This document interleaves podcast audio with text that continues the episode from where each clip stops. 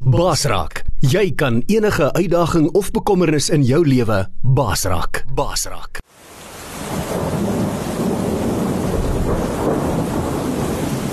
Rubber Roofs is 'n trotse borg van Basraak Radio. Rubber Roofs is die betroubare naam in dakwaterdigting. Ons bekwame spanne waterdigtingskundiges spesialiseer in industriële en residensiële aanwending met selfvertroue gerugsteun deur ons 10 jaar produkwaarborg vir al jou waterdigtingsbehoeftes. Bel die betroubare naam in waterdigting by 087 094 8092 of besoek ons webwerf by www.rubberroofs.co.za. Jy luister na manne van die woord Zoom by einkoms op Basraak Web Radio. Goeiemôre broers. Wat ek moet sê manne. Ook vir die ouens op die Zoom, lekker om weer vanoggend by julle te wees. Lyk my die die ryp het 'n paar ouens in die bed vasgekeer vanoggend. Maar uh, dit maak nie saak nie. Die Here se woord is lewend en kragtig. Sy woord is warm en uh, ons gaan die Gees vertrou om vanoggend sy woord aan ons bekend te maak om aan ons te openbaar wat is God se wil vir ons. Wat is die Here se plan vir nou?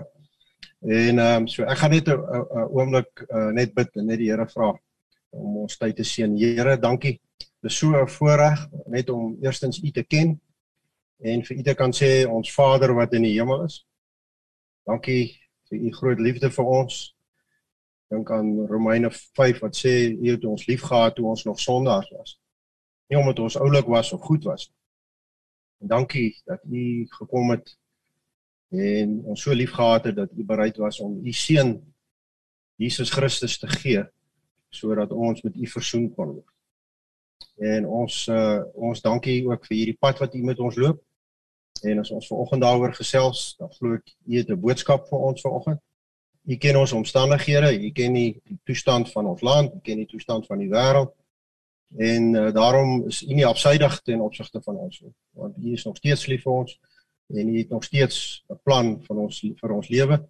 Soos Jesus ook gesê het daar in Johannes 10 vers 10, ek het gekom om vir julle die lewe te gee en dit in oorvloed. Dat ons 'n sinvolle lewe kan hê maar dat ons ook 'n lewe sal hê van dankbaarheid en dat ons ook vreugde sal hê in hierdie lewe. So ons kom vra vir oggend Heilige Gees dat uh, U vir ons asseblief die woord van God sal openbaar, maak dit wat logos is vir ons rema dat ons kan verstaan wat die Gees van God vir ons sê vanoggend. Ons vra dit in Jesus se naam. Amen. Goed. Uh ja, toe Andrew my my donderdagoggend 'n WhatsApp stuur om toe voor of ek hier kan praat. Toe uh het ek nie baie lank daaroor gedink nie want ek ek aanvaar redelik as as ek eers gevra word om te praat, dit kom van die Here af. die wêreld nooi jou nie sommer om te kom praat oor die Here nie.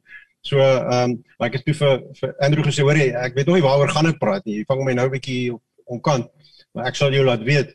En toe die volgende oggend toe ek tyd saam met die Here spandeer, toe gee die Here net vir my hierdie boodskap en dit kom daar uit uit uh die sewe briewe uh, wat wat uh, Johannes moes stuur na die sewe gemeentes in Asië. Uh en in elkeen van daai briewe sê die Here vir die gemeentes en ek lees dit hier voor hy sê elkeen wat kan hoor moet luister na wat die Gees vir die gemeente sê. So herhaal dit sewe keer. En ehm uh, En dis interessant want uh daar's nou 'n klompie goed, jy weet daar's 'n groot verskil tussen hoor en luister, né? Jy, jy sê mos nou net vir jou kind, jy hoor jy my nou het jy my nou gehoor? Dan sê jy vir hom jy moet luister, jy weet. Nou hoor is een ding, dit is net iets, die klank vang jou oor. Maar luister is iets waarop jy moet reageer.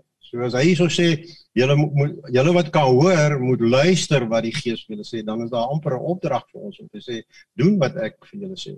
Ja, ek is nou besig om met julle ernstig te praat. En dan is dit vir my interessant ook dat ons daar net weet wie is dit besig wat besig is om ons te praat? Dis die Gees van die Here. Dis die Heilige Gees. Dit is God self wat met ons praat. Dis nie die dominee wat met ons praat of die pastoor of lekkie of wie ook al nie. Dit is hierdie is 'n boodskap van die Here af. So ons moet dit veral ernstig opvat. En dan sê hy vir wie sê hy dit? Hy sê ek sê dit vir die gemeentes. Nou wie's die gemeentes? Dis ek en jy. Ons is deel van die liggaam van Christus, van die samekoms van die gelowiges, die eklesia. So hy praat met ons. Nou ja.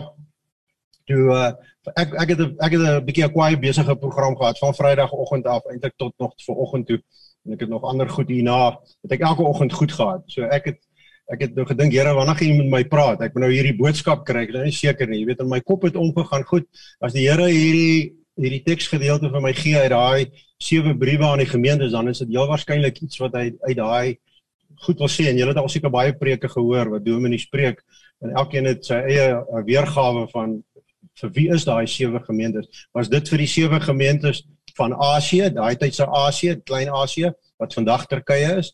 En uh, en as ons nou regtig dit wil 'n bietjie uitreik dan sê ons nee nee, dit is eintlik vir ons almal. En ek dink albei is waar. Alhoewel my opinie is daai was oorspronklik wat die Here deur die Gees vir Johannes gesê het, jy het gewoon en gewerk hier in Turkye. So ek wil hê jy moet hierdie boodskap vat vir hierdie sewe gemeentes. Nou Johannes het ge, het ge, het gebly in, in Turkye, het julle dit geweet? Jy weet, onthou julle by die kruis het Jesus vir hom gesê, "Hoorie, jy moet nou na my ma kyk." Jy weet? En ek weet nie wie van julle was al in in in Efese gewees nie. En dis nou deel van die toeriste roete daar dat hulle vat jou na die huis van Maria om vir jou te sê, "Hier hier het Maria gebly saam met Johannes." En dan wys hulle ook vir jou daar op Efese so op eintlik uit so baie daai tyd was dit nie 'n baie nie maar nou is dit 'n baie maar sê hulle sien daai gebouetjie daar op die koppie? Dis waar Johannes gevange gehou was voordat hy verbann is na die eiland van Patmos. So daai geskiedenis word almal bevestig deur wat daar gebeur het. So ek het gedink die boodskap gaan dalk van daar af kom. Maar dit het toe nou nie van daar af gekom goed. Nou ons is op die oomblik so net uit die uit die uh kom ons amper sê jy weet ons praat van 'n boot, jy weet dan praat jy van sy wake, jy weet hy maak mos so so golf agter. Nou ons kom so uit die wake van Pinkstertyd.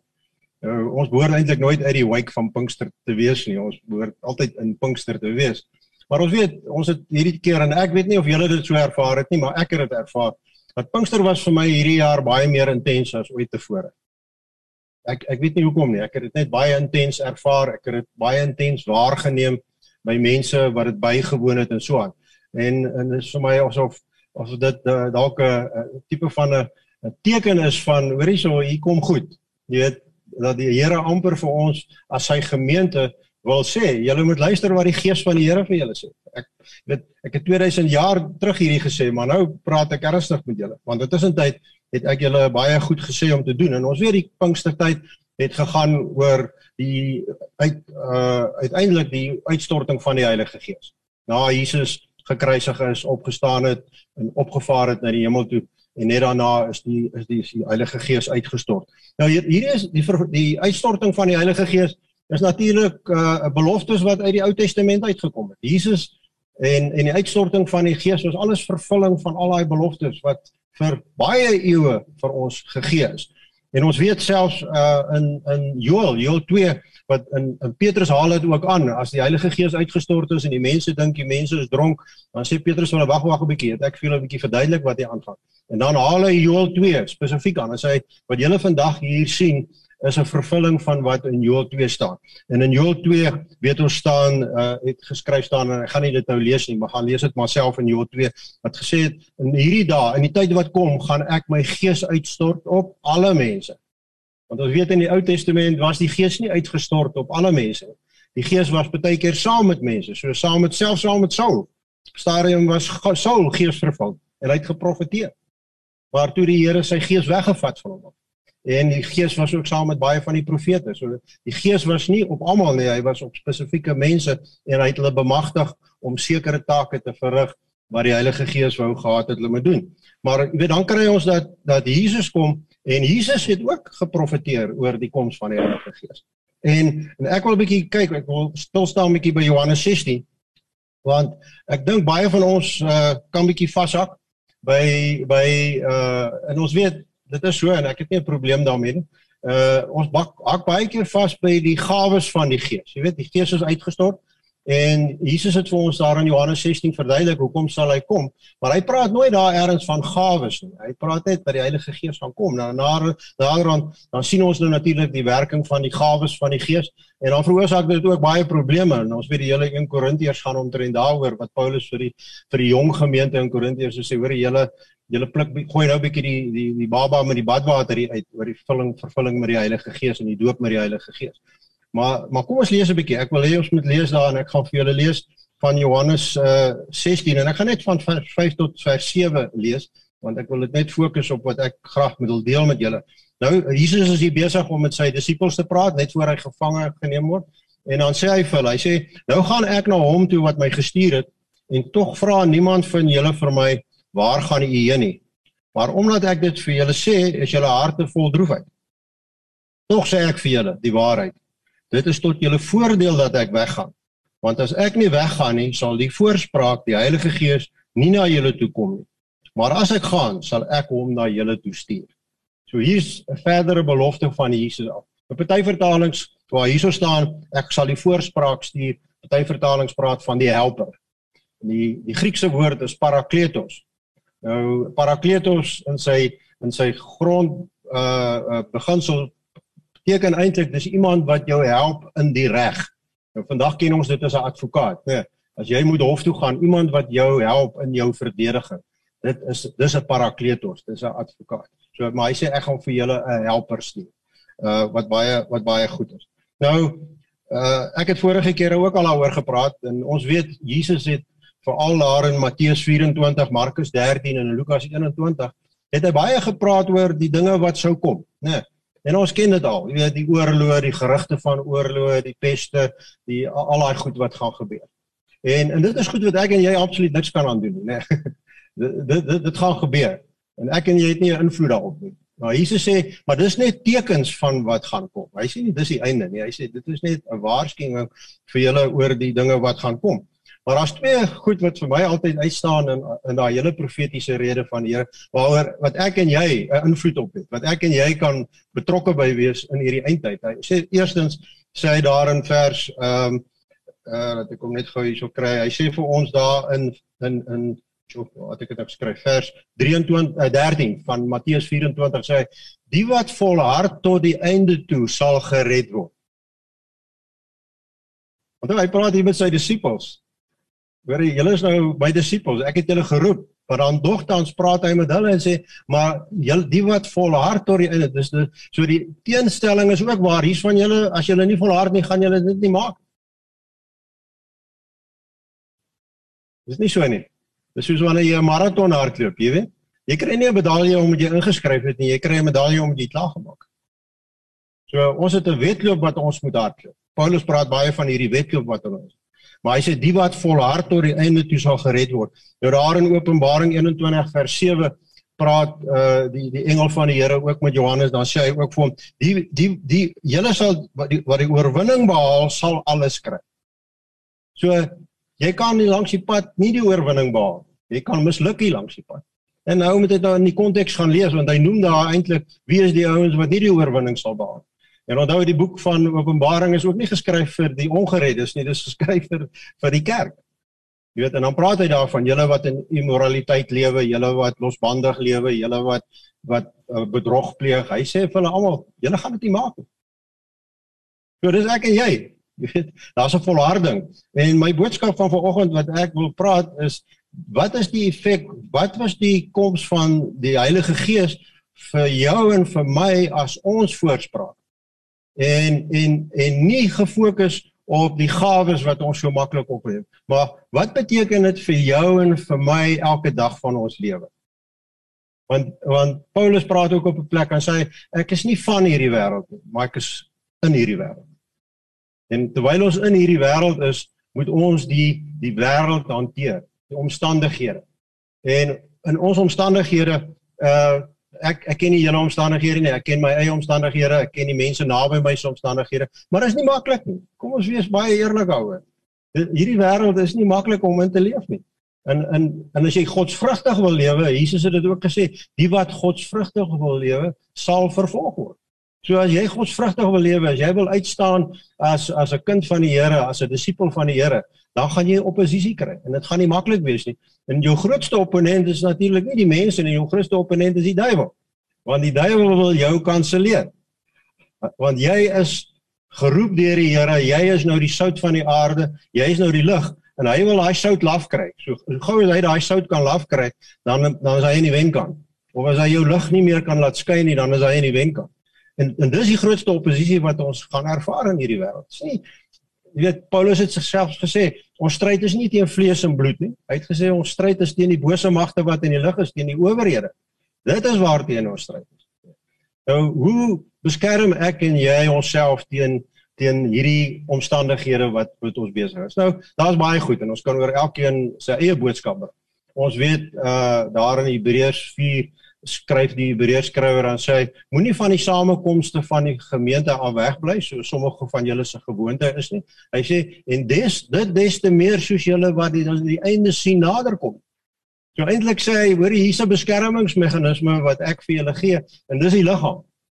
Julle moet in daai liggaam bly, jy weet, as daai herd herd protection. Julle moet in die liggaam bly want daar het julle die verdediging van die mense rondom julle. En dit gaan veral belangrik wees in die in die eindtyd wanneer daar groot druk gaan kom en daar baie groot vervolging gaan kom, want dis waar julle beskerm gaan word. So dis die een meganisme was die gemeente, die plaaslike gemeente en so gemeente soos hierdie wat 'n makrogemeente is. Is goed. Maar ek weet hierdie gemeente het baie selgroepe en daar's klein huiskerkies. Ek is self Sondagoggende betrokke by 'n Zoom huiskerk. En dit maak nie saak nie. Maar eers moet jy daai daai koestering ervaar van die mense op jou. Ja, dit is dit is verskriklik belangrik.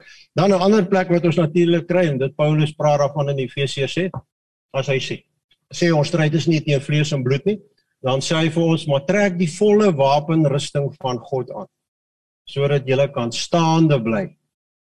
Jy weet, So daar is 'n ander manier. Wat is hierdie wapenrusting? En ons gaan nou nie daaroor praat nie. Dis die helm van verlossing en die skild van die geloof en al daai tipe van borsharnas van geregtigheid, die beld van eh, die waarheid en so aan. Dis 'n ander meganisme. Maar hoekom sê Jesus vir sy disippels dis vir julle voordelig dat ek weggaan want dan gaan ek vir julle 'n helper stuur.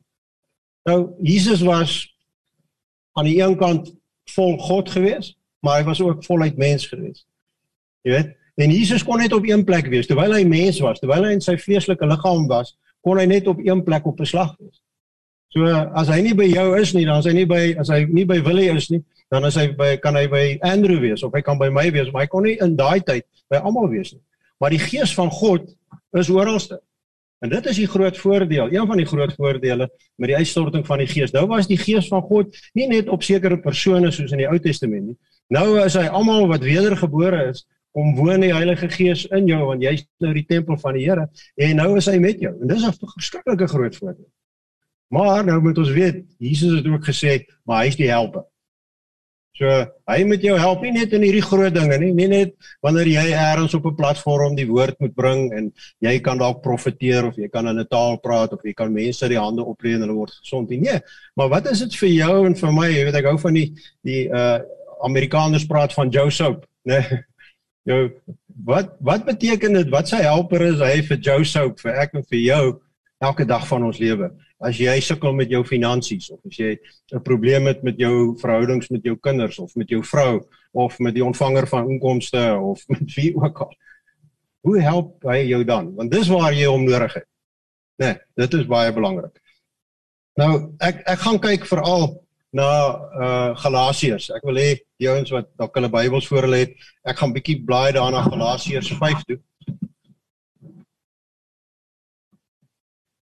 Want ek dink Paulus was vir my 'n praktiese ou. Dis hoekom ek so hou van Paulus. Jy weet, ek sê altyd uh ek het 'n uh, uh, professor gehad daar van uh, Amerika wat ek baie na geluister het, Howard Hendricks. En hy het altyd gesê hy uh, hy was 'n professor in praktiese teologie geweest. En hy het altyd gesê as jy preek vir 'n groep mense en jy kan nie op die einde van jou preek sê how to nie. Dan het jy hulle tyd gemors en jy het jou tyd gemors en jy het hulle net entertain.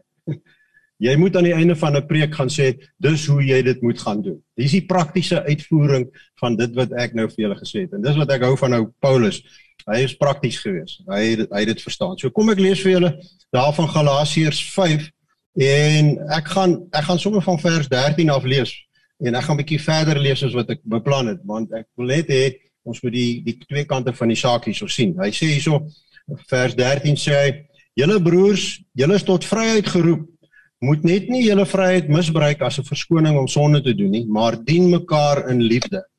Onthou 'n bietjie weer eens, Hy praat hier met die kerk van Galasië. Hy praat met die Christene in die kerk. Hy is nie besig om met die ongelowiges te praat nie. Daai jare het die ongelowiges nie kerk toe gekom nie. Dit was 'n kerk van die gelowiges. As jy die Here Jesus leer ken het, dan het jy kerk toe gekom. Dit was nie ons ek dink dis een van ons probleme van vandag. Dis net my opinie dat ons sit met meer ongelowiges in die kerk as gelowiges en daarom het ons so baie probleme in die kerk baie keer. Maar in elk geval, dit is 'n ander saak wat ons op 'n ander dag kan praat. Maar hy sê hier in vers 14, die hele wet word in hierdie een gebod saamgevat: jy moet jou naaste lief hê soos jouself. Maar julle byt en verskeur mekaar. Pas op dan dat julle mekaar nie later heeltemal verslind nie. Nou ons lê veral klem op vers 16. Wat ek bedoel is dit: laat julle lewe steeds deur die gees van God beheers word. Dan sal julle nooit soeg voor die begeertes van julle sondige natuur nie. Laat julle lewens steeds deur die gees van God beheer word. Nou baie vertalings gebruik hier wandel. Die ou die ou vertaling het gesê wandel in die gees. Uh, ek het gaan kyk in vier verskillende Engelse vertalings praat van to walk in the spirit. So dit sê vir my is iets van die God het saam met Adam en Eva in die tuin gewandel. So met ander woorde hy was met hulle. Daar was 'n aan, aanhoudende verhouding. Dit was nie iets wat hy net wat jy net Sondag in die kerk ervaar as iemand dalk in 'n taal spreek of 'n of 'n profesie bring nie. Nee, dit is vir jou, Joseph. Dit is daai wandel. Jy moet wandel elke dag saam met die Gees want die Here het vir ons sy Gees gegee. So hoe wandel jy met die Gees? Nou kom ons kyk 'n bietjie vers 17 want hierso begin hierdie stryd. Hier begin Paulus praat van die stryd wat ons ook sien wat hy ook mee praat daar in Romeine 7. Dit wat hy sê, dit wat ek wil doen, dit doen ek nie en dit wat ek nie wil doen nie, dit doen ek. En daai stryd uh, praat praat hy weer hiervan as hy sê wat ons sondige natuur begeer is in stryd met die gees van en die wil van die gees. En wat die gees wil is in stryd met ons sondige wat ons sondige natuur begeer. Hierdie twee staan lyn reg teenoor mekaar. En daarom kan julle nie doen wat julle graag wil nie. Maar as julle deur die julle deur die gees laat lei, staan julle nie meer onder die wet nie. Nou kom hy by hierdie moeilike goed. Onthou weer, hy praat hier met Christene, né? Hy praat met die mense in die kerk. Dan sê hy die praktyk van die sondige natuur is algemeen bekend. Nou gaan ek 'n klompie opnoem nou kan jy vir jouself vra, hm, is dit ek? Is dit ek? Is dit nie ek nie? Party goed gaan jy onmiddellik sê, nee, dis definitief nie ek nie. Ander goed gaan jy sê, uh, ja, dit klink nogal of dit met my ook kan praat. Hy begin hier om te sê, wat is hierdie praktyke van die sondige natuur? Hy sê dis onsedelikheid, onreinheid, losbandigheid, afgodsdienst, towery, vyandskap, haat, naaiwer, woede, rusies, verdeeldheid, skeuring, afguns, dronkenskap, uitspattigheid en al dergelike dinge. Ek waarsku julle soos ek julle al vroeër gewaarsku het. Hoor nou wat hierso sê. Baie baie belangrike ding. Wie hom aan sulke dinge skuldig maak, sal nie die koninkryk van God as erfenis verkry nie. Hey nou. Hy praat hier met ons. Dis wat daar in Openbaring 21 ook van praat. As hy sê as jy die oorwinning behaal het oor hierdie goed, dan gaan jy dit maak. Maar dan kom hy met die teenkant, die een wat ons baie goed ken, wat ons baie van hou, né? Wat hy sê, maar wat is die vrug van die Gees daarin teer oor is is liefde, vreugde, vrede, geduld, vriendelikheid, goedhartigheid, getrouheid, nederigheid en selfbeheersing. Teen sulke dinge het die wet niks nie. Die wat aan Christus behoort, het hulle sondige natuur met al sy hartstogte en begeertes gekruisig. Ons lewe deur die Gees. Laat die Gees dan nou ook ons gedrag bepaal. Baie belangrik. So, die groot ding hierson is en ek wil julle ook aanbeveel, gaan lees 'n bietjie Romeine 8 van vers 1 tot 16. Jy weet Romeine Romeine 8 volg op Romeine 7 waar Paulus sê dit wat ek wil, dit doen ek nie en dit wat ek nie wil nie, dit doen ek. En dan kom hy met daai wonderlike vers 1 wat sê, maar die wat in Christus is is vrygespreek. Those are in Christ, there is no condemnation for. Wonderlik. So ons is vrygespreek. Maar van daar af, van vers 2 af tot by vers 16, dan hanteer Paulus eintlik presies hierdie selfde ding om te vra, maar wie beheer jou lewe? Want as jou lewe onder beheer van die wêreld is, dan is jy nie binne die wil van die Here nie. Maar as jou lewe onder beheer van die Heilige Gees is, dan is jy onder onder beheer van die wil van God. Nou is die groot vraag wat ek vanoggend hierso en ek hoop dit gaan in die praktyk en ek hoop nie jy weet ek het 'n vriend gehad wat wat gesê het op 'n stadium op predikant hy het gesê Die Here het nie gesê laat gee die giraffes kos nie, hy het gesê laat my skape wy. Jy weet, ons wil partykeer hierdie hoë teologiese preke gee wat niemand verstaan nie. Niemand kan dit eet nie want hulle kan nie daarby kom nie. Nee, kom ons kom weer terug. Die Here het gesê ons hy is ons herder, ons is sy skape. Kom ons wy hier onder by die praktiese goed, by die goed wat 'n uh, verskil gaan maak in jou en in my lewe elke dag tot dag, né? Nee. So ek wil hê ons moet ook oorgaan na na Efesiërs toe want as ek nou myself vra, maar hoe kan ek seker maak dat my lewe oomblik vir oomblik onder beheer is van die Heilige Gees?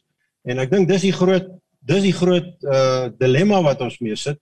Dis die dilemma wat ek mee gesit het vir baie jare. Ek het die Here leer ken, maar ek het hierdie lewe wat Paulus hier beskryf in die in die begin van Galasiërs het ek gelewe.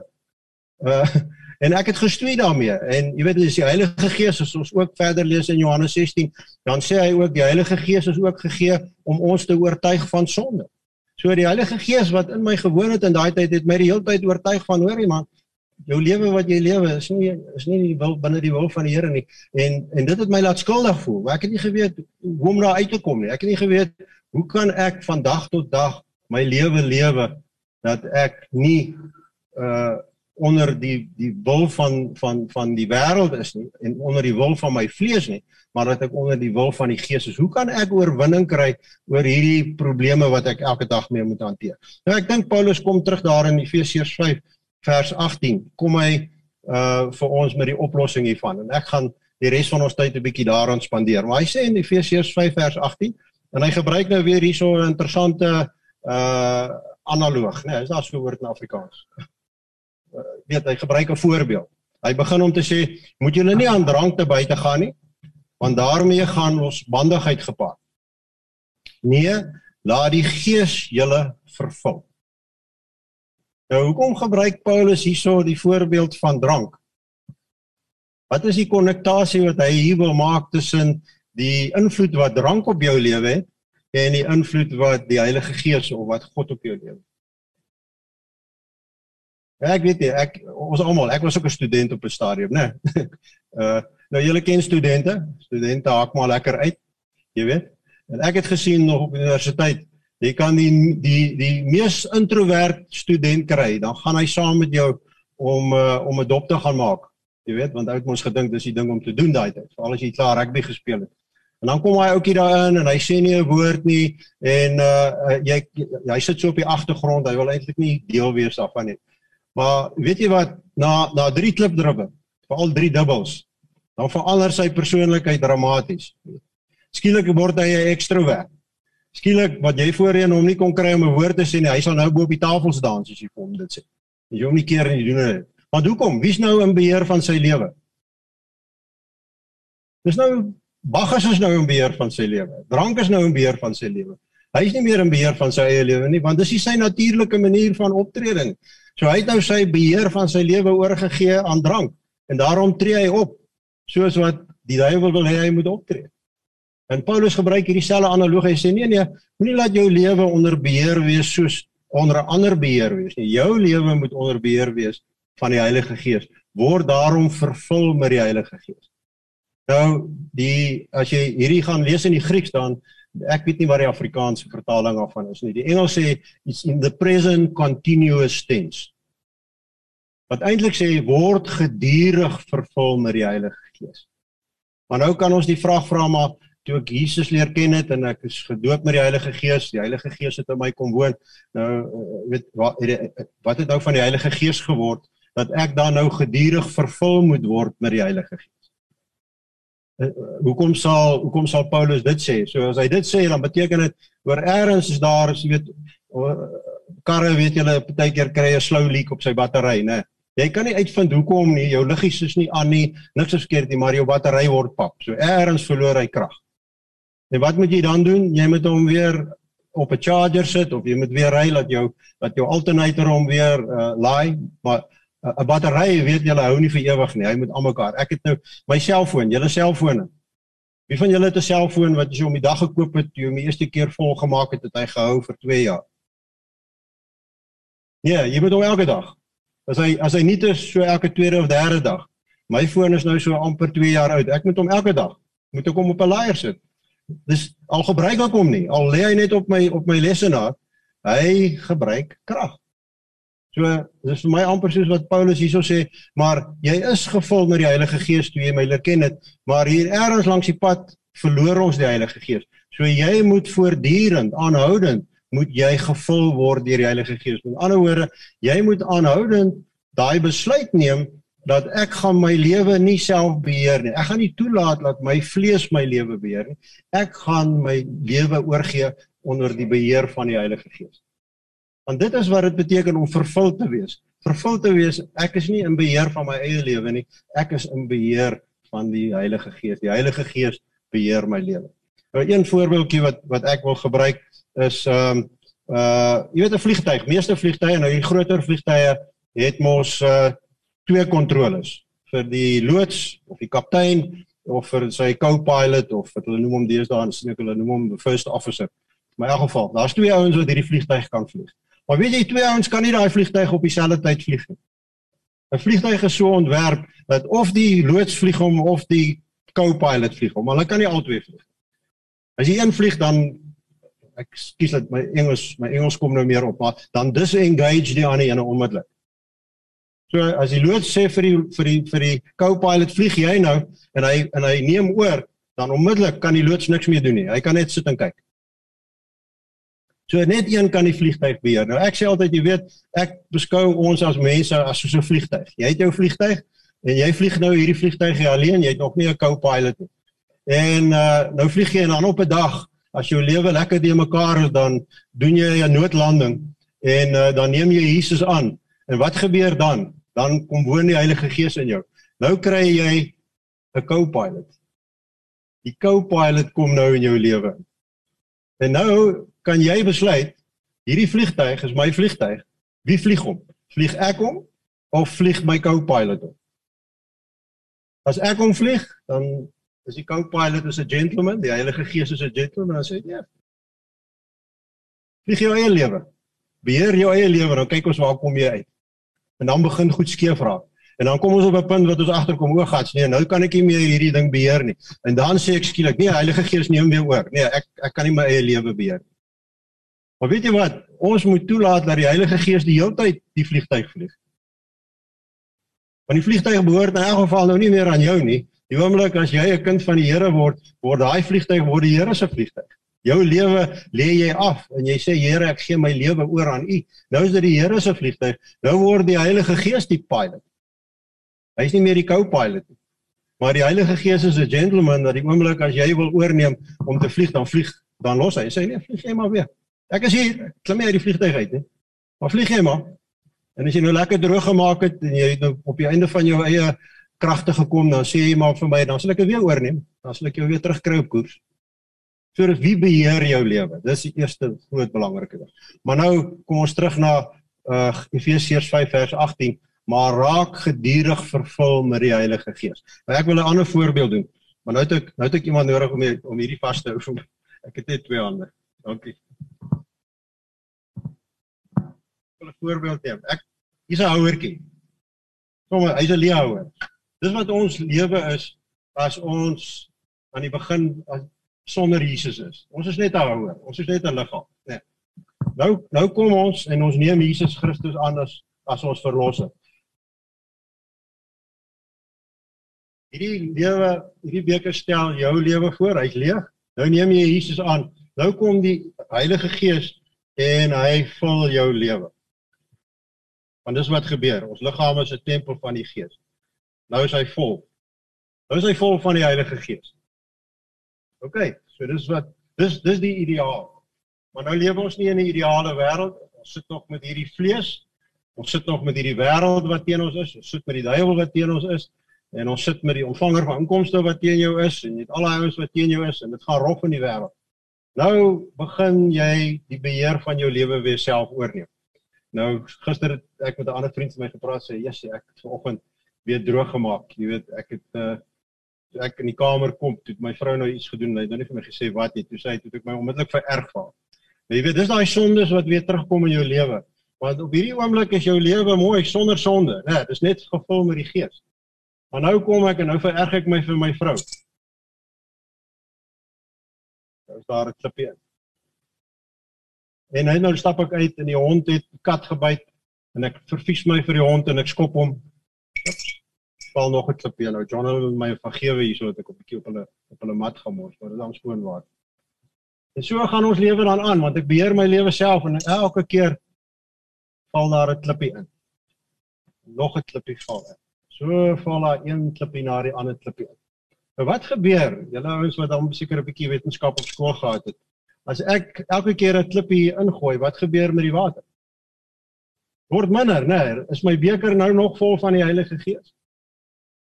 Nee. My beker is nou die Heilige Gees is nog in my beker, maar daar's nou sonde in my lewe. So ek is nie meer vol nie. So nou moet ek weer my lewe volmaak van die Heilige Gees. Efesiërs 5 vers 18 word gedurig vervul met die Heilige Gees. Nou hoe doen ek dit? Wat wat is die eerste stap wat ek moet doen om weer seker te maak dat die Heilige Gees my volkome vervul? Kom ons hoor 'n bietjie. Ja, al die klippies uit. Daar's hy, wil jy reg? 1 Johannes 1 vers 9. Maar as ons ons sondes bely, hy is getrou en regverdig om ons van al ons ongeregtighede te vergewe. Ek moet hierdie klippies maar so een vir een uithaal. En soos ek die klippies uithaal, nou ek kan dit nou nie hier fisies doen nie, maar in julle gedagtes neem nou maar aan, ek het nou bely, ek het nou bely, Here, ek moes nie so met my vrou gepraat het, ek moes nie die hond geskop het nie. Here, ek moes nie my vererg het vir die taxi vandag nie. Here, ek moes nie kwaad geword het vir die ontvanger nie, want hy wil net sy deel hê. En al daai goed doen ek. En as ek nou alles uitgehaal het, hoeveel water is daar nou oor in hierdie beker? Is hy vol? Nee. Want daai water wat ek gebruik het, het uitgeval. Daai water is uitgehaal. Nou wat moet ek nou doen om die, om om my beker weer vol te kry? Ek moet hom weer vul met water. Eers dan is hy weer vol. En dis wat die praktiese toepassing vir my is van Efesiërs 5 vers 18 word gedurig vervul is my beker moet gedurig vol gemaak word. My battery van my foon moet gedurig gelaai word dat hy vol is. Hy bly nie outomaties so nie. Ons is in hierdie sondige wêreld, ons het hierdie sondige vlees wat ons mee moet deel. Ons het 'n slou leak. En ek moet kort kort mag gaan kyk. Nou hoe hoe dikwels doen ek dit? Hoe dikwels moet ek hierdie proses doen van om vervul te word met die Heilige Gees? Dankie. En daagliks? OK. Kom ons hoor ander opsies. Altyd. Oom oom oomblik vir oomblik. Ja, weet julle wat? Ek en jy kan nie bekostig om een oomblik nie onder beheer van die Heilige Gees te wees nie. En daarom moet ons oomblik vir oomblik moet ons seker maak dat ons vol is van die Heilige Gees. En daarom moet ons oomblik vir oomblik ons sondes bely. Die oomblik as jy iets doen, jy weet as jy iets verkeerd gedoen het. Dit is nie so ding dat ons sê ja, ek doen sondes uh, onwetend nie. Nee, daar's nie so ding. As jy die Gees van God in jou het, jy kon dit miskien jy kon onwetend sondes gedoen het sonder die Gees van God voor jy 'n kind van die Here was. Maar as die Heilige Gees in jou, jy weet dit. Jy wil dit net nie erken nie want jy's te trots om dit te erken. Partykeer wil ons graag so wees. Ek wil nou kwaad wees. Ek wil nou kwaad wees vir die ontvanger. Jy weet, ek wil nou kwaad wees vir my vrou of ek wil nou kwaad wees vir dit. Nee. Weet jy wat? Daar's nie daai opsie nie, maar jy weet dit. So oomblik vir oomblik moet ons, maar dit begin, die proses begin by belydenis. En wat is belydenis? Homologeo, die Griekse woord om saam te stem. Homologeo beteken om saam te stem met God oor wat ek gedoen het. Daarom wat daar in Jakobus 5 staan ook bely julle sondes eerlik teenoor mekaar. Hoekom? Sodat jy genesing kan ontvang. Ja? Bely jou sondes dat jy dit kan ontslaa raak van hierdie klippe in jou lewe sodat jy weer vervul kan word met die Heilige Gees. Maar nou is die belangrike ding en ek dink hierso mis ons dit baie keer om vervul te word met die Heilige Gees op 'n daaglikse basis op 'n oomblik tot oomblik basis is weer 'n stap van geloof. Dit is weer iets wat jy moet doen. Jy kry dit nie outomaties nie. As jy die klippe uitgehaal het, moet jy eers weer water insit. As jy die sondes bely het, moet jy weer sê Heilige Gees vervul my weer van voor af. Ja, ek het ek het ek het op Kriel gebly vir vir 4 jaar daar by die kragstasies daar gewerk. Nie op die kragstasie self nie, maar in daai omgewing. Jy weet en ek het was altyd vir my amazing gewees om te dink hier is 4 ter 5 turbines wat hy hardloop. Elkeen ontwikkel 500 megawatt. So dit is 2500 megawatt krag. Dis baie krag, hoor. Dis genoeg om halfte van Pretoria aan die gang te hou. Maar dan dink ek by myself, jy weet wat, ek het 'n gloeilampie. En as ek nie daai gloeilampie in daai plug indruk en hom aansit nie, dan beteken daai 2500 megawatt van Eskom vir my absoluut niks nie. Maar weet jy wat, as ek daai daai plug insit en ek sit hom aan en ek sit daai liggie aan, dan is daar 2500 megawatt wat agter hierdie lampie sit. Al gee hy my net 60 watt of 100 watt lig, maar die die potensiaal agter dit is 2500 megawatt. En dis wat ons moet doen. Ons kan nie bekostig om nie ingeskakel te wees by die krag van die Heilige Gees. Dan is jy soos daai lampie wat jy nou jy kan nie eens van hom gebruik vir 'n ornament. Hy's absoluut waardeloos. Maar prop hom in. Julle weet nou in die tyd van load shedding, né?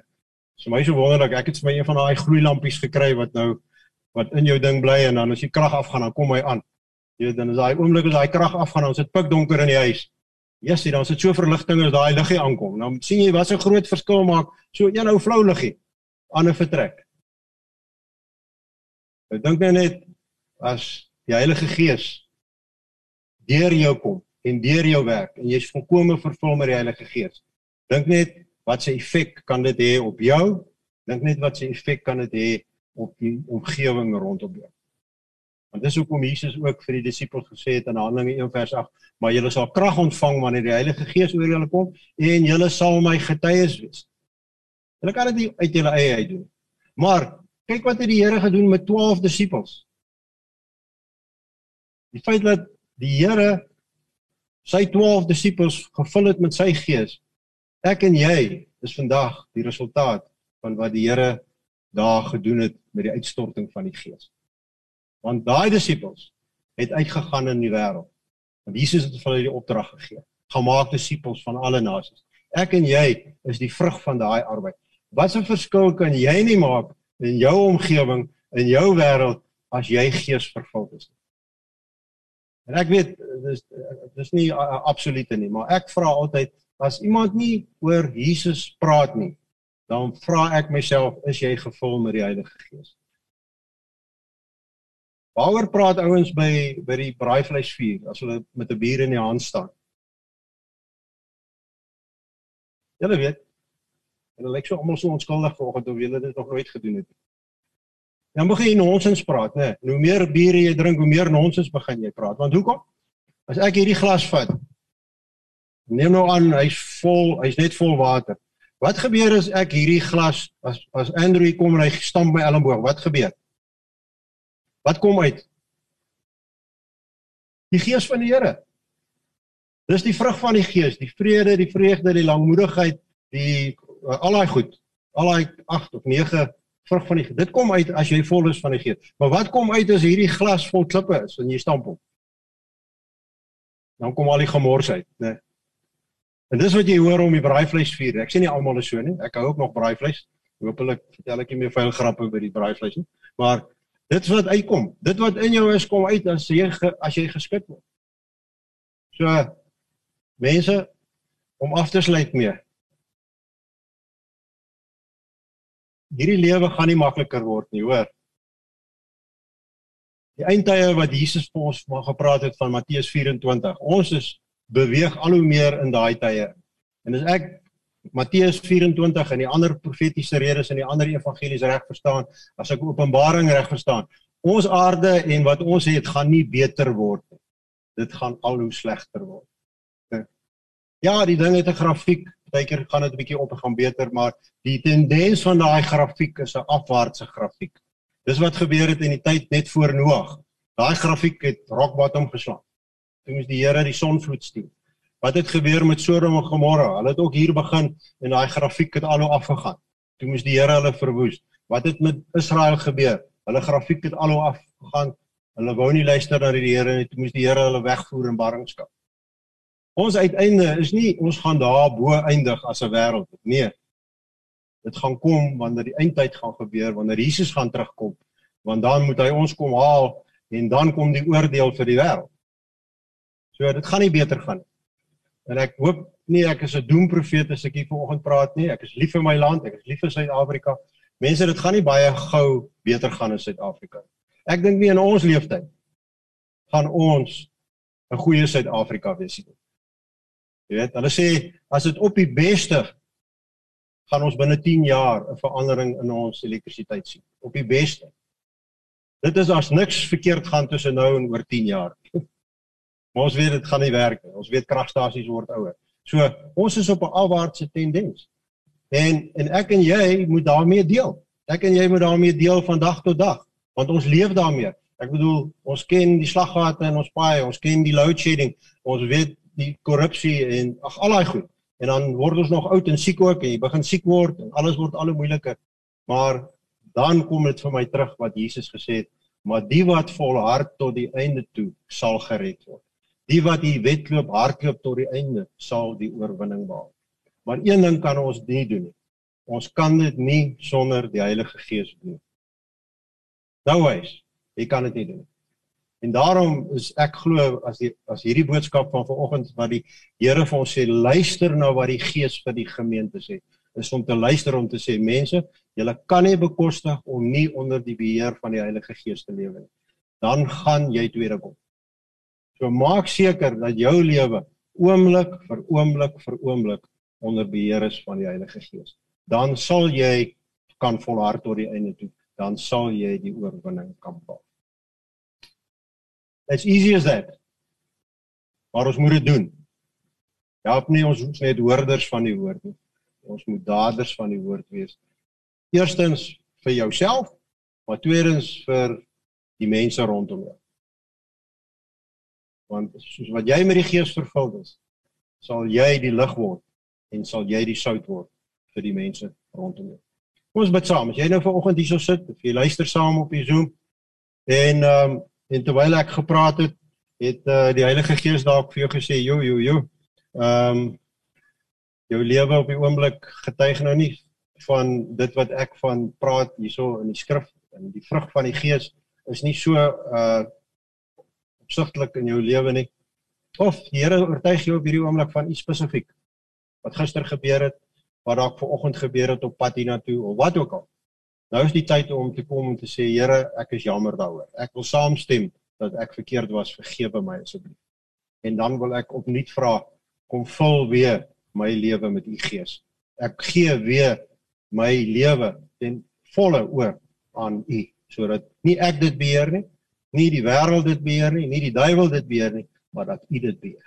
So ek gaan dit bid en as dit in jou hart is vanoggend, bid saam met my en kom ons maak net seker dat ons weer binne die lyn van die Here kom wat sy wil betref. Here, u woord is die waarheid, Here.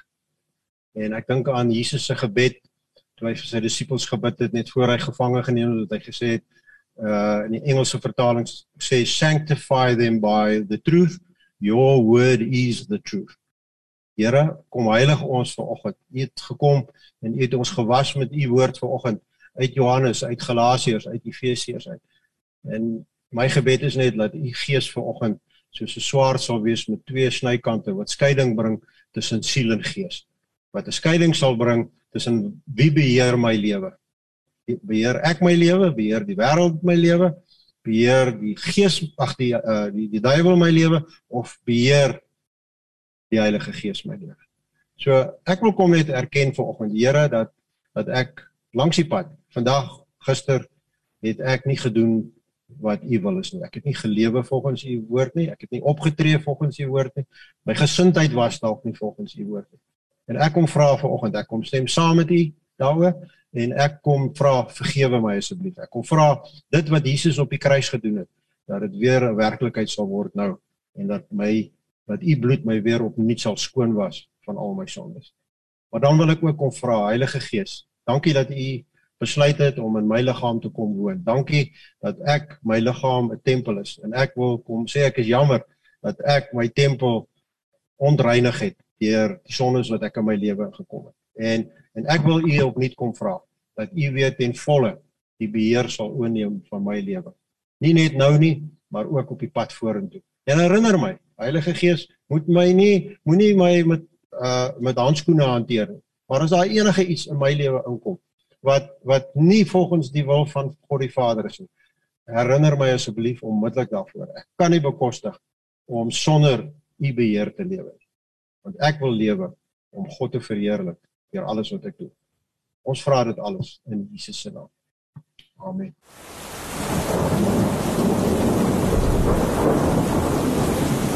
Rubber Roofs is 'n trotse borg van Basraak Radio. Rubber Roofs is die betroubare naam in dakwaterdigting. Ons bekwame spanne waterdigtingskundiges spesialiseer in industriële en residensiële aanwending met selfvertroue gerigsteen deur ons 10 jaar produkwaarborg vir al jou waterdigtingsbehoeftes. Bel die betroubare naam in waterdigting by 087 094 8092 of besoek ons webwerf by www.rubberroofs.co.za.